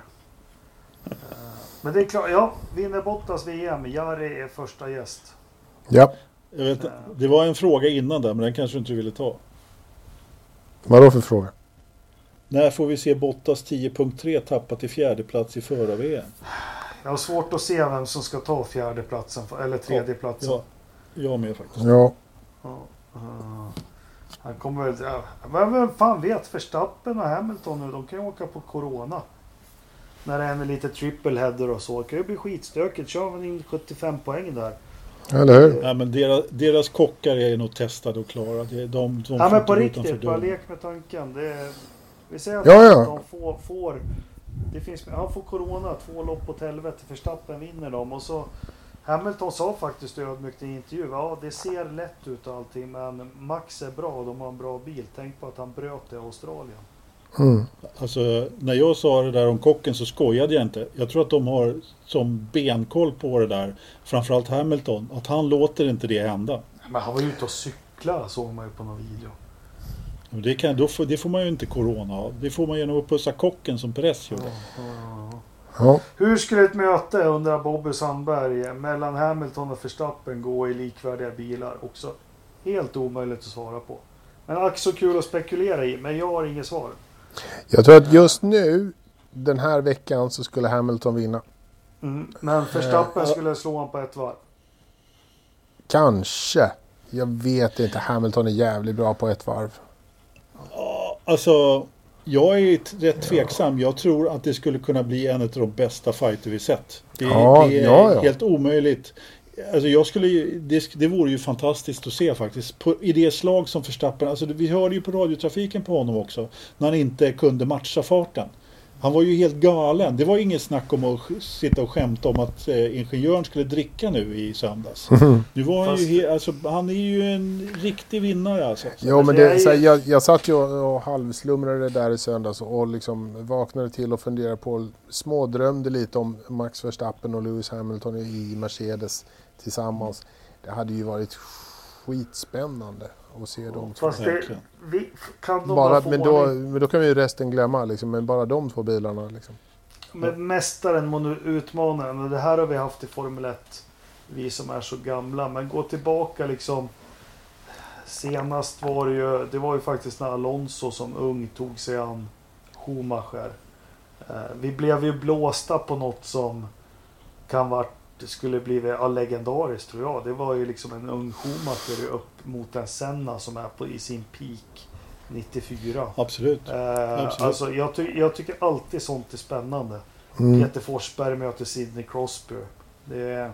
Eh, ja, jag, jag, jag hoppas vi får se Leclerc eller, eller Verstappen i, i likvärdiga eller lika bra konkurrensmässiga bilar som Hamilton innan Hamilton lägger av. Ja, men det är ju det man skulle kunna önska att de var lite jämnare i toppen då. Och, och alltså Ferrari Mercedes har ju varit lite jämnare och vi har sett lite grann och vi har sett lite fighter Leclerc Max. Men det behövs mer, mycket mer. Då skulle vi ju ha ett fantastiskt eh, Formel 1 VM nästa år till exempel.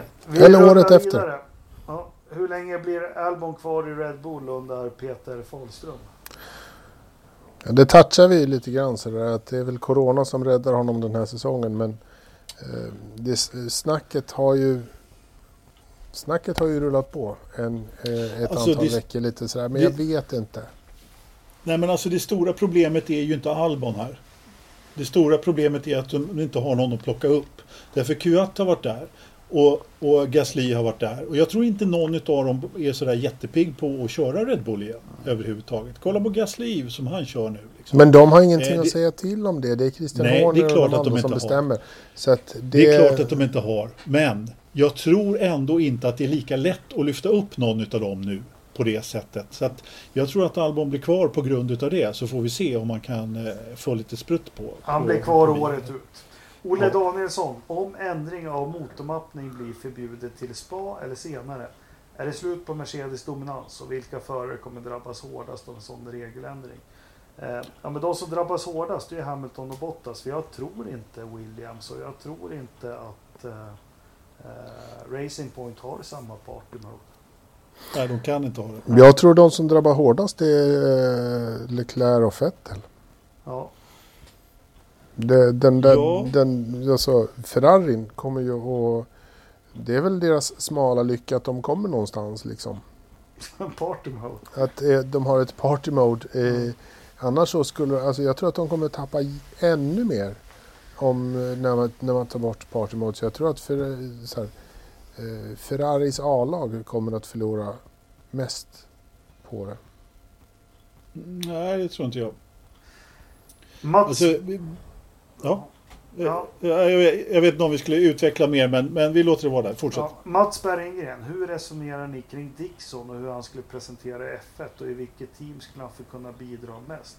Vet att det inte är realistiskt men det är fritt att fantisera. Och, ja, Scott Justera. Dixon i ett toppstall skulle ju vunnit VM-titlar. Ja. Ja. Det, det, det, det kan vi ju inte annat än att skriva under på, helt klart. Jag Men- menar, Men Scott Dixon likt Sanardi i en dålig Williams eller i en... Eller Bourdin när han var bra i en dålig Toro Rosso. Men Eh, ja, men jag lyssnar på Stefan Johansson. Scott Dixon verkar ha de här egenskaperna som man kan likna med de här stora Schumacher. Och han är organiserad, jobbar hårt eh, och kör bil jävligt fort. Ja, precis. Ja, ja nej, men det är han i en... I en eh, I McLaren. det, det vore, Jag skulle vilja ja, se honom i- där. Ja. Ja, jag hade, ja. Nej, men han hade ju säkert gjort... Han hade liksom... Han, han hade skuggat Hamilton. Jag är helt övertygad om det. Han skulle passa Det perfekt i Williams som stall när de var bra. Jag tror han höll på att testkörde där ett tag. Men jag tror i Williams när de var bra. Mm. Scott Dixon och Williams, det känns som på gamla goda tiden. Eh, Olle Danielsson igen, ryktet om Linus i Andrettis DHL-bil. Vad tror ni om det? Det har inte jag hört. Nej, jag tror att Olle har startat det själv, det ryktet. Ja, Men det är ett väldigt bra rykte så att eh, vi tror på det. ja, det, Ja, gärna Linus i en Andret- en Andretti-bil. Ja. nej, men jag säger, jag säger bara så här. Ingen rök utan eld. Nej, precis. Precis. Eh, Mats Berggren, vilka tankar har ni kring Vasör, Gio och Kimmy? Hur är tålamodet från ägarna tro? Kan man skylla allt på Frödespisa? Jätteintressant fråga. Eh, Ja, Du har ju bra koll på ägarna Anders. Va, va, alltså, vad säger man till Vasör Det det, vet jag inte om jag har. Jag, jag, jag, och hur de tänker och så vidare. Men det, det, alltså det är frågan egentligen hur man vill, om man vill fortsätta att driva Formel 1-stall överhuvudtaget. Om man letar en exit eller om man väntar på en... Eh, ja, jag vet inte. Nu, I det här läget så känns det mer som ett tomrum. Eh, för jag menar, tidigare så var det ju ett helt annat läge lite grann. Men alltså, eh, så här. De har ju inte den bästa föraruppställningen. Man kan vara hur stor Kimi-fan man vill, men han är inte den bästa föraren för, för Alfa Romeo i år när de ser ut som de gör. Och Giovinazzi, han är fan ingen stjärna alltså. Eh, de, de behöver, för det första så behöver de två unga, hungriga förare om de ska överleva. Eh, det är vad de behöver. Och visst, det kanske funkar med Mick Schumacher nästa år. Det kanske gör, men ja, Ja, men jag får Alltså, samma Kim- känsla som du och man glömmer ju faktiskt att jag tror gemene man, ja men de tänker att det är Alfa Romeo som äger stallet. Men det är, det är de här Longbow Nej. Finance eller vad fan de heter. Eh, som Ja. äger stallet. Och de måste ju hamna i någon limbo med det som är nu. För jag tror inte det här Alfa Romeo sponsoravtalet spelar ut så bra som, det kanske var tänkt. Nej, det tror inte jag heller. Och, och, och det, det, jag tror heller inte att de kommer att få förlänga det. För det, ja, om jag kommer ihåg rätt så höll väl det till Ja, ja, det det var sista 22 året. kanske. Det Nej, sista sista- året, sista jag tror att det är sista året i år. Och, det? Ja, det jag, kan det mycket väl ha jag varit. tror det. Så frågan är vad de kommer att heta 2021.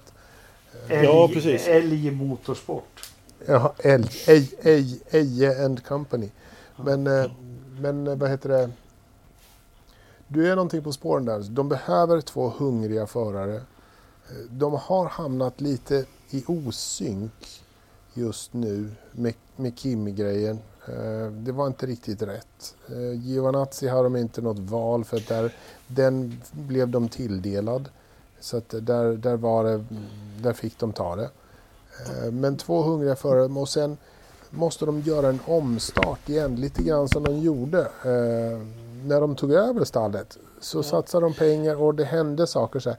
Det händer Ja. ingenting just nu. Just nu Nej. är det liksom bara en, en, bara en lång väntan på någonting. Men det var inte fel att skriva kontrakt med Kimi. Det har jag ingenting emot. Därför de sålde, de, de, de, de, det hade de liksom, det räknade de hem ekonomiskt och intressemässigt och Ja. sponsormässigt. Eh, problemet är, är inte hans stol. Och, och problemet är ju att de kanske inte skulle ha eh, låtit honom vara kvar i år. Eh, men precis. Det är ju lätt att säga också. De skulle gett honom ett ettårskontrakt. Jo men sen titta historiskt på Sauber för det här är ju ändå Sauber alltså. Mm. Eh, Det, det, är ju, det är ju rätt imponerande. Vad har vi för världsmästare som har kört där? Vi har Vettel, börjar där. Ja, Vi har Kimi börjar där. Ja, Massa, han tog ju inget VM men han började där. Var, ja, sen var det inget mer. Schumacher kan man Ja. säga började i Sauber men det var ju sportvagn med Mercedes. Eh, De har alltid hittat väldigt mycket bra. ja absolut. Det, det har ju varit lite grann en, en, en talang... Eh, Ja, men det har ju varit en plantskola, visst Ja. har det varit det. Alla gånger. Och, och folk som har eh, kört där eh, alla gånger. Och, och det är ju där de behöver komma tillbaka till. Liksom, Precis. att- ja. back Så. to the roots. Ja. Ja, men lite. Jaha, sista frågan då. Hur tror ni det går för Dino i Ferrari? Driver Academy. Ja, det skulle vara intressant att forska lite mer i. Han eh, körde Ja, han väl har i ju kört- Tyskland va? I Formel 4 i Tyskland i helgen. Det- Inte alls eh, så här. När han väl körde, det var, han hade strul eh, och sånt där. Dels så kom han inte iväg i i starten i ett lopp och, och lite sånt där. Men han, när han väl fick, fick eh, fjutt på maskineriet så körde han ju upp sig från tok sist till en elfte plats eller sådär i ett av loppen. Så att han verkar ju inte göra, han gör inte fel. Jag tror att det kommer gå rätt bra faktiskt. Han har ju förutsättningar för att lyckas, tror jag. Ja, det är helt omöjligt att säga. Jag, jag instämmer med föregående talare. Jag sa inte att det var omöjligt. Jag sa att han har goda förutsättningar för att lyckas. Men Jag Ja. sa ju att jag instämde med dig. ja, ja, men först sa jag att det var omöjligt. Omöjligt, ja skitsamma. Det var snällt sagt Anders. Bra, jag gillar Dino. Jag ty- det här är en kille som eh, vi hemskt gärna har med i podden. Det vore väldigt Ja. trevligt. Vi ser fram emot att, att följa hans karriär. Ja, hör av dig Dino. Precis. Eh, Ring. Ring. Ja, vi får jobba. Men eh, som du sa Anders, är det någon som har lite kontakter och så, så hjäl, hjälp oss gärna så, så gör vi ett poddavsnitt. Det, eh, så är det. Vi har lite utblick i motorsportsvärlden. Jag kollar faktiskt lite F2. Eh, fan vad det ser konstigt ut med de där däcken. Det ser ut som de är fyrkantiga liksom när de kommer körande på långa rakor. Ja, Jag har vant mig nu men... ja, jag men, förstår eh, att man gör det, men det ser ut som de bara pop. Hajar till lite grann ibland sådär, Ja, visst är det så. eh, Nej men om man vill se lite bättre racing eh, eh, än Formel 1 på en bana som Barcelona då ska man ju kika på F3, F2. Sen var det inga... Det var, det var ju ett helt galet F2-race med, med Ja, på, nu ska säga, på lördagen där va. ja på lördagen. Precis, med två safety car i slutet och Callum Ilott som eh, hade gjort allting rätt ramlade ner till femte plats. Precis. Liksom, och så. Men apropå Ferrari Academy så Callum Ilott han, han är ju faktiskt en förare som jag har följt ganska ordentligt och jag pinnade honom lite grann och tänkte att den där killen kommer vi att få se i Formel 1 framöver. Sen tyckte jag, inte han, sen tyckte jag han bara falnade. Eh, men nu har han faktiskt kommit igen lite grann och gör bra körningar och mogna, mogna lopp. Han är, ingen, eh, han är ingen Leclerc men jag tycker ändå att han har rest sig rätt bra faktiskt. Men du, vem var det, var det i race 1? Vem var det den där rosa bilen som stod kölhalad på en curb och inte kom iväg? Han heter Giuliano i förnamn. Ja, mer då? ja. I förnamn, hur många förnamn vill du ha? Ja, nej, Precis. skämt att se. Det, men han har det lite tufft va? Ja men han gör ju ett bra, ett bra lopp av tio, den goda Alesi liksom. Och, nej men han är, och dessutom så har det här stallet är ju inget bra i år. Ja, Eh, jag vet inte hur mycket man kan skylla på dem egentligen men, men eh, alltså de har ju ändå Markelov då är, som har hoppat in i, i andra bilen som jag Kör håller ganska högt. Ja, han har ju fått hoppa in där och eh, jag kan inte hela historien men eh, alltså de här däcken också som de kör i F2 är ju tydligen helt o- jättesvåra att komma överens med. Så hittar du verkligen sweet spoten där, ja.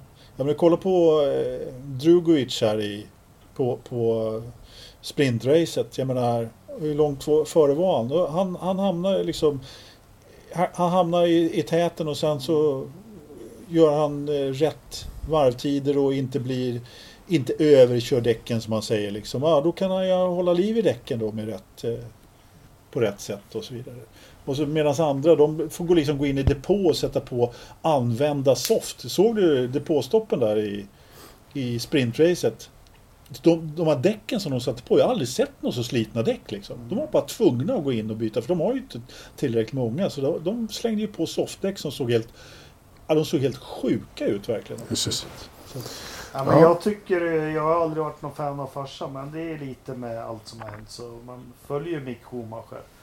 I alla fall jag gör det vill men eh, han, är, han är hyfsat snabb och jag får lite Marcus-vibbar av honom.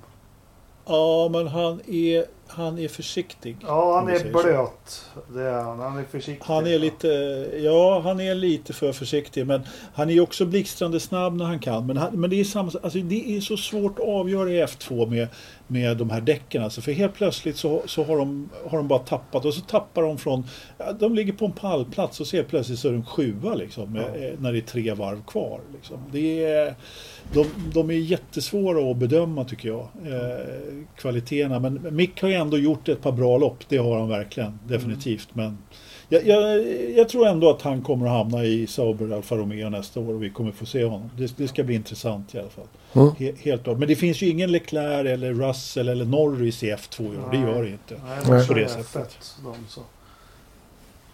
Jaha. Ja. Nej.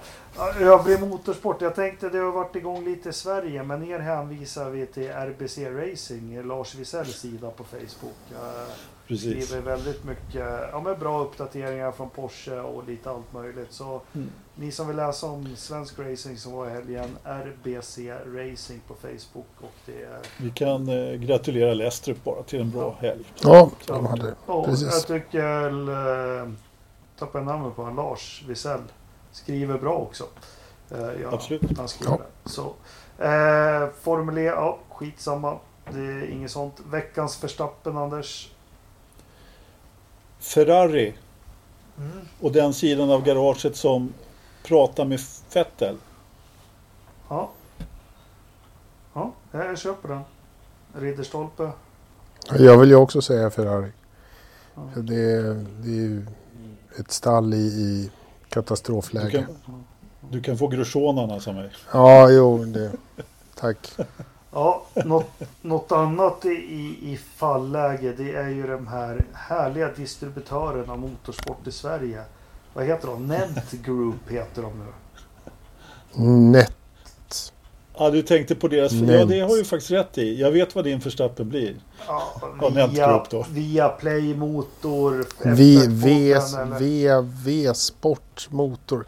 De, har ju Ja, inte, de heter ju inte Via längre. De heter ju någonting Nej, bara men nu säger jag, jag vet ju, han är ju jättelättkränkt. Men för det första, jag betalar jävligt mycket pengar. Jag tycker de har gjort det bra över åren och utvecklingen. Men jag är inte nöjd. Alltså, fan Janne, han var ju helt borta i helgen. Jag var, han har ställt in sin dator fel. Och, och oavsett hur den är, man lyssnar ju på kommentatorerna. Och så när man hör att de säger något, då tänker jag alltid så här, men de sitter med alla instrument som jag inte har.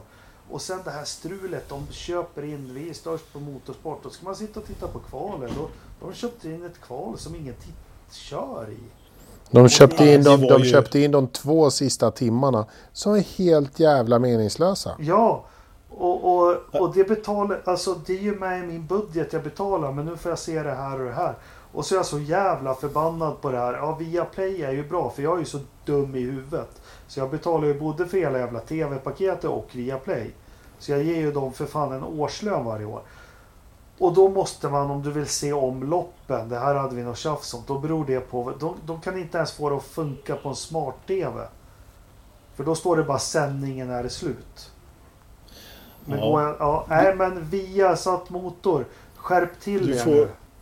Ja, du får lära dig att, att kasta lite Jakob. Men det är ju frustrerande när det inte funkar. Jag, jag köper din... eh, Jo men Den lär här dig veckan att så- kasta. Va- Varför ska jag göra det? När de säljer in tjänsten som att du kan streama den. Och jag har en smart-TV där jag kan titta på allt och ungarna tittar på Viaplay. Varför står det där när jag går in på F2-loppet att sändningen är slut? Men när jag går till min Jag pappa kör- så kan jag säga titta igen. Jag köper din eh, Verstappen den här veckan. Men jag är faktiskt rätt, rätt irriterad. För jag, jag var inte riktigt med på att man bara hade köpt de två sista timmarna där. Så när jag, när jag postade länken där till dig så ville jag ju att du skulle titta på... Ja, men kvalet börjar ju tidigare. Men jag, jag, jag hade missat att, eh, att eh, sändningen började tidigare. Eh, Själva, kval, själva klart. kvalet började klockan... Att kvalet började, att, att började- kvalet började tidigare, ja, Ja, precis. kvalet, kvalet började klockan fem. Eh, Ja, och ja, sändningen visst, visst, började visst. klockan, vadå, sju till nio eller något. Då, eller tror- nio till, nio till elva. Ja, precis. Så Ja. då ju allting klart redan. Ja, det var ju redan det var... Ja, men de gör sitt bästa, det är trevliga killar och allting. Men jag tycker, fan vi betalar mycket pengar för det här. Vi älskar motorsport och liksom kom igen nu. Ja. Eh, Jag var, jag var faktiskt riktigt förbannad också. Ja, eh, kom igen nu. Nu kommer Janne skriva till en massa folk som känner mig. Vem är den där Jakob Engelmark egentligen? Ja, jag är kund till Ja, dig. det kan man fan undra. Jag är kund till dig. Och jag tycker du har Med gjort ett bra jobb i alla år. Men man måste kunna säga om man inte är nöjd som kund också utan att du blir kränkt. Så, nu fick jag det sagt. Ja, Det blir jag nog inte. Oj vad Anders är nervös nu. Herregud. Nu kom- nu kommer, kommer det bränna till i telefonen imorgon. Nej då, jag tar det i försvar alla dagar i veckan, Ja. eh, Jakob. Utom söndagar ibland. Men hörni, vi fick ihop ett bra eh, avsnitt tycker jag. Eh, jag tycker vi viger nästa helg till eh, Indy 500. Hoppas det blir ett riktigt sånt här. Ja, Tio, de sista tio, sista tio varven vill jag ha riktiga jävla nagelbitar. ja. Ja, men det ska bli ett bra varv och ingen jävla Pagino som eh, vinglar runt banan. Nej, bra det. Mina herrar, det är en ynnest för mig, människan utan kompisar, att få prata med er en dag i veckan. Så jag går och lägger mig nu. Ja, Gör det, Ja, gör det. gör det. Vi tänkte nog göra detsamma. ja, Ja, jag är rätt trött jag med faktiskt. ja, jag är också en fin vän och allting. Ja, ja, det kan vi ta en annan gång. Tack ska ni ha. Hallå! Hej då. Förgjort sin idiot.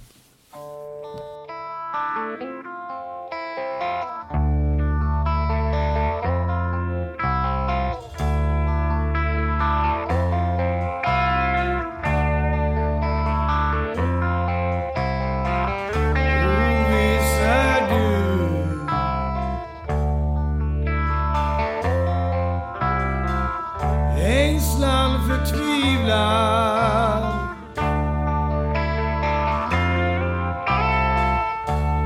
Det man sängde